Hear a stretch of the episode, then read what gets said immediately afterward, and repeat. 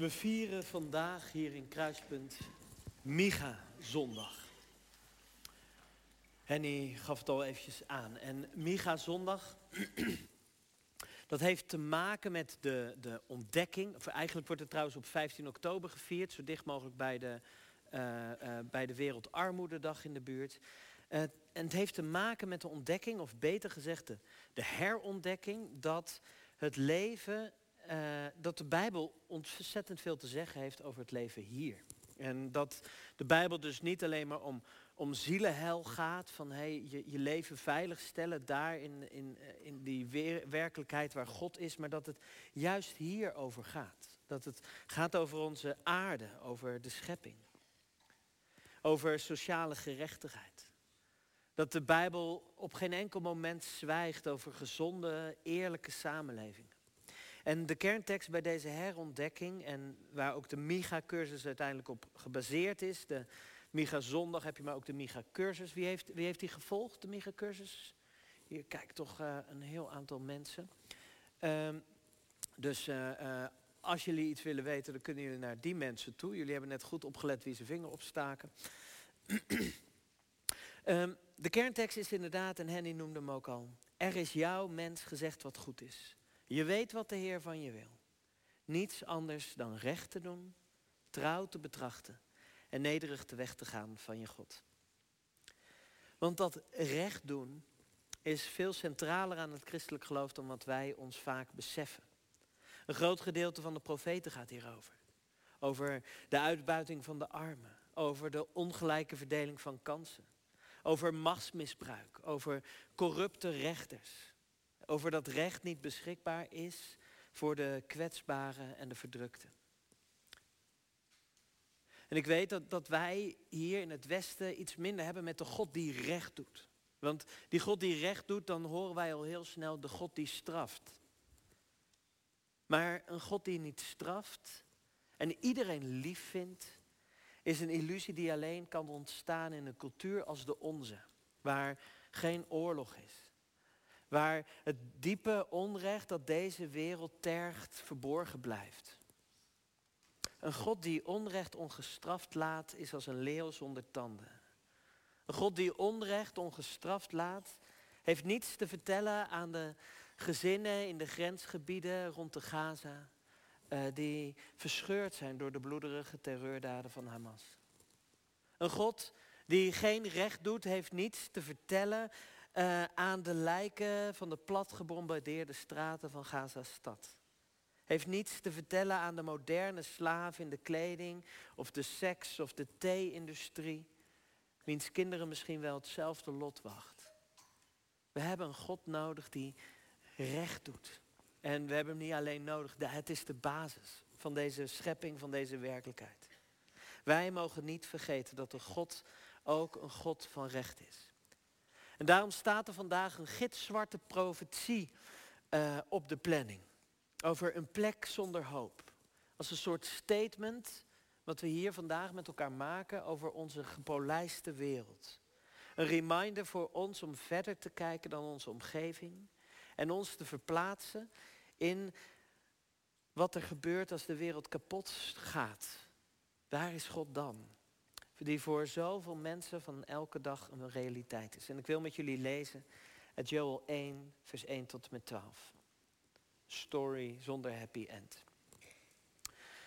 Dit zijn de woorden die de Heer richtte tot Joel, de zoon van Petuel. Hoor mij aan, oudste. Leen mij allen het oor, inwoners van het land. Is er ooit zoiets gebeurd in jullie dagen of in de dagen van jullie voorouders? Vertel het aan je kinderen. En laten je kinderen het aan hun kinderen vertellen. En hun kinderen aan het volgende geslacht. Wat de ene sprinkhaan overliet, heeft de tweede afgeknaagd. En wat de tweede nog overliet, heeft de derde afgemaaid. En wat de derde overbleef, heeft de vierde kaal gevreten. Word wakker, dronkaards en ween. Barst uit in gejammer, drinkers van wijn om het sap van de druiven dat jullie ontnomen is. Mijn land is ten prooi aan een volk, een machtig volk zonder tal, met tanden als van een leeuw en kaken als van een leeuwin. Het maakte van mijn wijnstok dode takken en brandhout van mijn vijgenboom. Naakt en kaal zijn ze omvergehaald. De wijnranken zijn verbleekt. Weeklaag als een bruid die zich hult in het, in het zwart. Rouwend om de man van haar jeugd. Graan en wijn voor offers ontbreken in de tempel van de Heer. De priesters zijn dienaren treuren. Het veld is verwoest. Het akkerland treurt, want het koren is vernieuwd. De wijn verdroogd, de olie verloren. Toon je verslagenheid, boeren. Barst uit in gejammer, wijnbouwers. Om de tarwe en om de gerst, want de oogst van het veld is verloren gegaan. De wijnstok is verdroogd, de vijgenboom verdord. Granaatappel, dadelpalm en appelboom, ja alle bomen zijn verdord. En verdord is ook de vreugde bij de mensen. Ook dit is woord van God.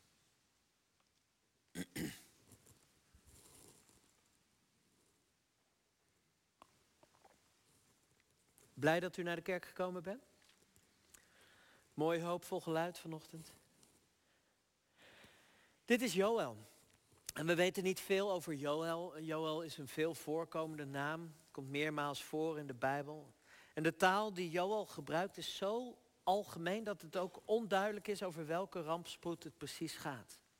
Gaat het over uh, de inval van Assyrië? Of gaat het over de inval van, van Babylon? Welke ballingschap spreken we over? Het is, het is duidelijk, of het lijkt er in ieder geval op dat het niet alleen, in ieder geval niet alleen sprinkhanen zijn, maar dat dat beeldspraak is van hem. Maar hoe het ook zij, de woorden zijn door hem uitgesproken op de vooravond van een verschrikkelijke veldslag naar welke de Israëlieten zijn afgevoerd in de ballingschap. Maar dit, dat, dat Joël zo algemeen blijft, maakt het ook zo indringend. Het zijn woorden die bij elke rampspoed mogen klinken.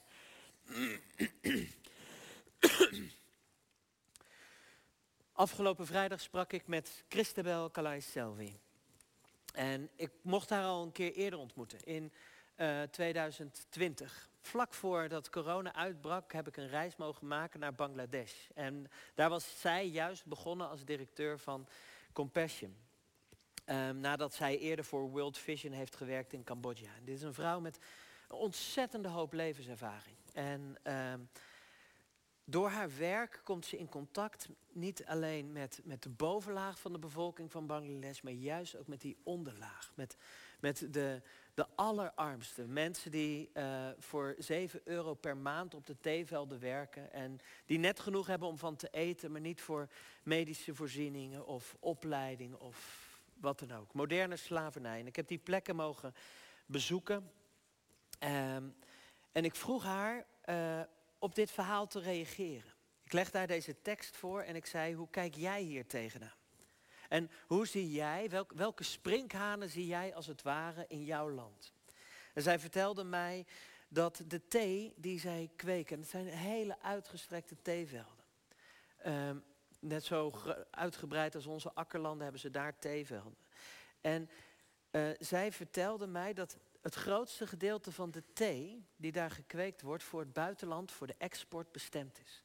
Dat alleen de slechte bladeren in het land achterblijven, dat die verpulverd worden tot een poeder en dat daar, uh, dat daar hun thee mee gezet wordt. Dus de mindere kwaliteit blijft in het land uh, en alle rijkdom die het land te bieden heeft, wordt eigenlijk verscheept. Dat is de werkelijkheid van Bangladesh. En ze vertelde ook hoe uh, China in de regio inmiddels verschillende havens in bezit heeft. Met een economisch monopolie op de handel uh, lukt het hun om daar in eerste instantie wat vernieuwingen door te voeren en vervolgens uh, op basis van niet terugbetaalde leningen te zeggen van nou dan is deze haven nu van ons. Een, een invallen in een land die wat eigenlijk niet, niet zozeer een militaire inval is, maar gewoon een economische inval. Maar het, is, het, het eindpunt is uiteindelijk hetzelfde. Hoe het ook zij, Sprinkhanen zijn in dit verhaal de machtigen. Het zijn de rijken. Het zijn de overheersers. En in zekere zin zijn wij het die een land als Bangladesh vernielen. Niet alleen door thee te drinken, maar met heel ons consumptiepatroon.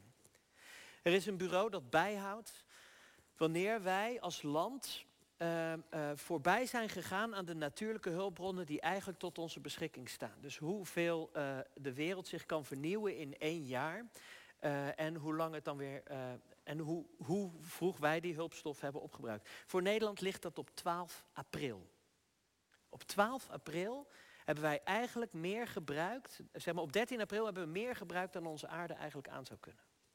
Bangladesh komt op deze lijst niet voor. Zij, hebben, uh, uh, zij dragen dus als het ware niet bij, of in ieder geval valt hun bijdrage niet af te meten dat ze eerder in het jaar klaar zijn met het opbruiken van de natuurlijke hulpgoederen. Zij dragen dus amper bij aan klimaatverandering, maar tegelijkertijd zijn zij wel degene die te maken hebben met overstromingen. Veel dorpen in de kustgebieden worden nog voor 2030 onbewoonbaar. Die mensen die trekken verder het land in. Uh, door de verzilting van de bodem en de hoge waterstanden. Het aantal cyclonen neemt jaarlijks toe. En Bangladesh is dan nog maar één van die landen die de dupe zijn van klimaatverandering. Moeten wij hier iets mee? Ik denk het wel. Niet specifiek voor Bangladesh, maar, maar in onze levens. Als de Bijbel zo indringend spreekt over sociale gerechtigheid en goede zorg voor de schepping, dan kunnen wij het geloof niet reduceren tot een zuiver geestelijke zaak. Nee, wat wij eten doet ertoe, wat wij drinken maakt uit, waarmee we ons kleden heeft gevolgen. Zit u nog lekker? Weet je, ik, ik vind het ingewikkeld. Ik vind dit, dit, dit te zeggen, ik, ik weet het en ik vind het en ik geloof het, maar ik vind het ook ingewikkeld om te zeggen. Want wat ik om me heen zie gebeuren, met, met dat, dat ik hè, er zo in ga, merk ik ook dat de klimaatbeweging ook een religieuze beweging lijkt te zijn. Dat wij iemands morele zuiverheid uh, niet langer bekijken op, op, op basis van, van dingen die vroeger doorslaggevend waren. Hè? Dus uh, seksuele zuiverheid, financiële zuiverheid. Maar dat wij onze zuiverheid af beginnen te meten aan hoe wij voor het klimaat zorgen. Dus als je wil weten of iemand een goed christen is, dan moet je kijken of ze vegetariër zijn, of ze vliegschaamte hebben, of ze enkel seizoensgroenten eten en of ze hun kleren enkel tweedehands kopen. Dan ben je een moreel zuiver mens tegenwoordig. En we maken ruzie over intensieve veehouderij en tweedehands. We zitten met elkaar op de A12 of spreken onze afschuw juist daarvoor over uit. En door een oordeel uit te spreken, dat is het religieuze systeem wat ik bedoel. Door een oordeel uit te spreken voor een ander voelen wij onszelf moreel een klein beetje beter. En het is heel makkelijk, want iedereen schiet altijd tekort. Maar onderwijl raken we wel iets kwijt hierin. Namelijk het, het vertrouwen in elkaar. Door elkaar zwart te maken en te demoniseren, lukt het niet langer om warme gemeenschappen te vormen. Christabel vertelde me vrijdag ook een verhaal over hoe zij een keer in het kader van een training voor uh, World Vision uh, mocht wonen, uh, een, een, nacht mocht doorbrengen in een hut van een van de allerarmste mensen van het land. Volgens mij was het Cambodja, waar ze over sprak. En ehm, ze vertelde dat ze daar, dat ze daar kwam en dat de, ze in een huis te gast was waar, men, waar de vader en de moeder vijf dochters hadden, waarvan de een ook nog eens een groot gezwel op de rug. En ze zat dat te vertellen. En uh, deze mensen die hadden dus geen medische dingen, maar, maar ze hadden wel alle groenten bij elkaar gehaald en rijst gekookt en een prachtige maaltijd op tafel gezet. En uiteindelijk toen ze s'avonds ging slapen, zag ze ook de, gaten die overal in de hut zaten. En ze dacht, hoe kan ik ooit hier op de grond gaan slapen als ik weet dat er misschien slangen en spinnen en dat soort dingen binnen kunnen komen. En op een gegeven moment hoorde ze in de nacht, hoorde zij uh, uh, iets ratelen in de keuken. En, ze kan het licht aan, wat is dat, wat is dat? En die mensen zeiden, oh maak je niet druk, dat is maar een rat. uh, dit was de werkelijkheid waar die mensen in leefden. En, en zij... Uh, en ze merkte dat aan zichzelf, want Christabel is zelf ook een, zij komt ook uit de middelklas. India komt ze oorspronkelijk vandaan. Dus die extreme armoede, zo had ze dat ook nog niet meegemaakt. Terwijl, als je ziet waar zij woont in Dhaka, dat, de, ehm, eh, dat is ook ontzettend indrukwekkend dat zij daar kan leven. Dat zouden wij al ontzettend moeilijk vinden. Maar er zit nog een verschil met, met die allerarmsten. En zij was daar en, en ze was eigenlijk alleen maar bezig ook met, met zo snel mogelijk naar huis om ook een douche te kunnen gaan nemen. Maar die, ze zei, wat, is het nou wat jullie hebben? Waarom hebben jullie zoveel vreugde? En die mensen zeiden, de mensen denken dat wij niets hebben, maar we hebben wel iets. Wij hebben een hart te geven. Ons hart kunnen wij geven.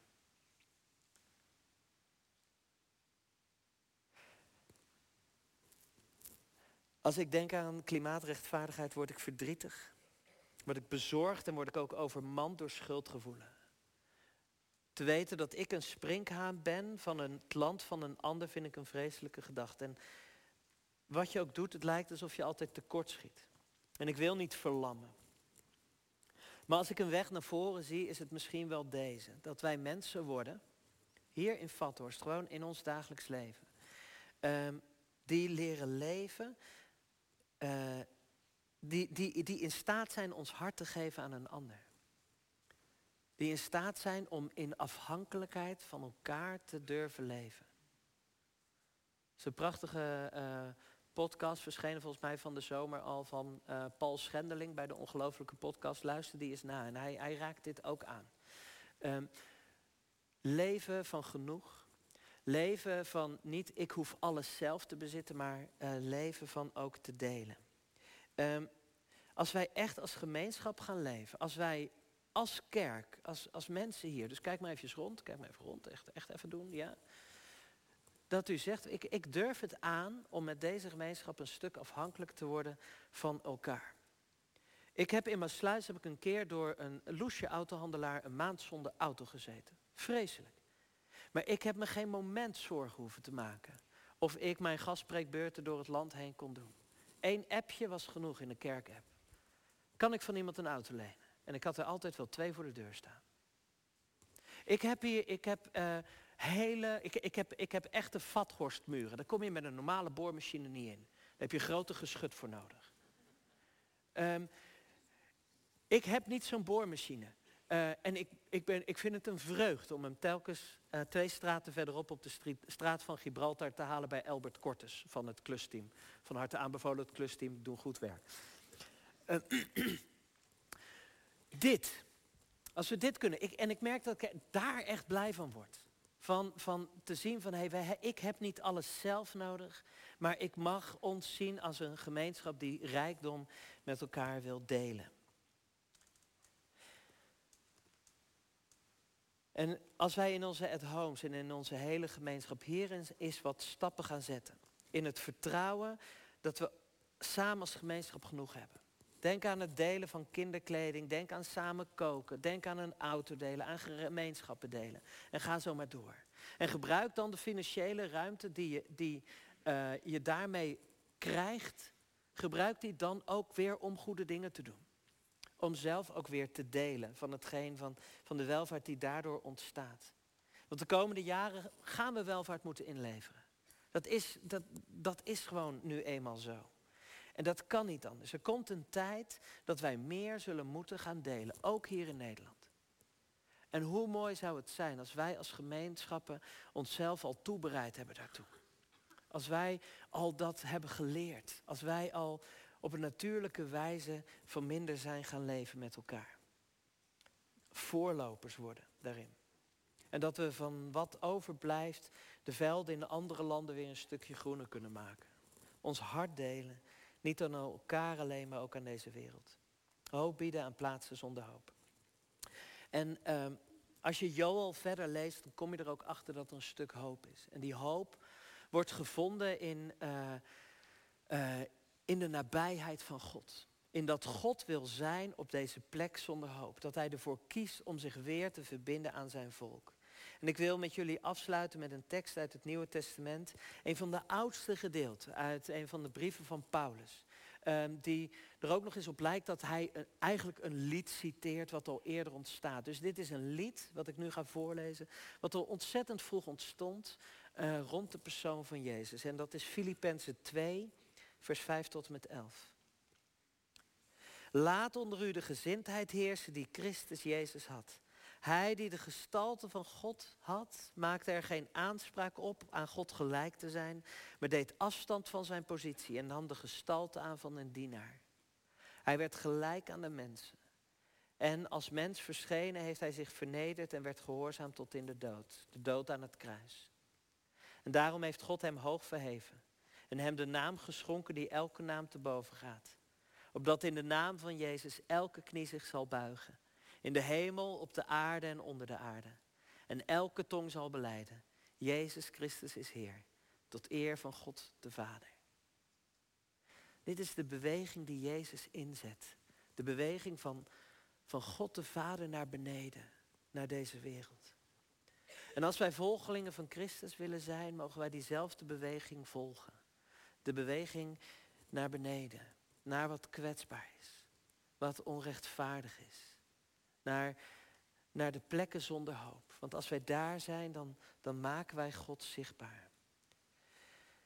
Jezus deed afstand van al zijn privileges. Waarom? Omdat hij bij ons wilde zijn. Omdat hij ons wilde redden. Omdat hij ons recht wilde doen. Als dat gevoel, als, als, als die werkelijkheid in je hart neerdaalt, dan lukt het ook. Dan lukt het ook om, om, om die extra stap te zetten. Om ook het leven, het goede leven voor een ander beschikbaar te maken. Voor wie zich vernederen wacht verhoging. De laatste worden de eerste. Onze rijkdom is van de Heer. Hem komt alle eer toe. En elke knie zal eens buigen voor zijn troon. Laten we met elkaar bidden.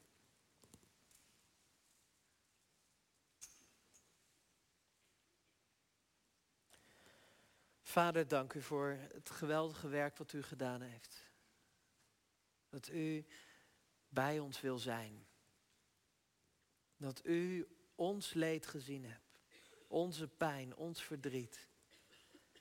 En dat u ons uitnodigt om uw gebroken hart te leren kennen. En dat het ook echt zo mag zijn. dat door de scheuren van het leven ook het licht binnenkomt. Vader, maak onze bewogen gemeenschap. Een gemeenschap die zich inzet voor uw wereld. Die bereid is offers te brengen. Die bereid is met minder te leven om het leven voor een ander beschikbaar te maken. En vader, we hebben uw inspiratie, uw enthousiasme daarover nodig. En we hebben het nodig dat u ons leert geen verwijten te maken naar elkaar of de neus op te halen voor een ander. Maar dat we heel dicht bij elkaar blijven leven. Gemeenschappen worden. Dat wij mensen mogen zijn zonder muren in het huis. Dat we elkaars leed zien. Dat we gastvrij zijn. Heer, zo draag ik ons aan u op. Beweeg ons hart. Maak ons tot kwetsbare, liefdevolle mensen. Die de rechtvaardigheid lief hebben. Amen.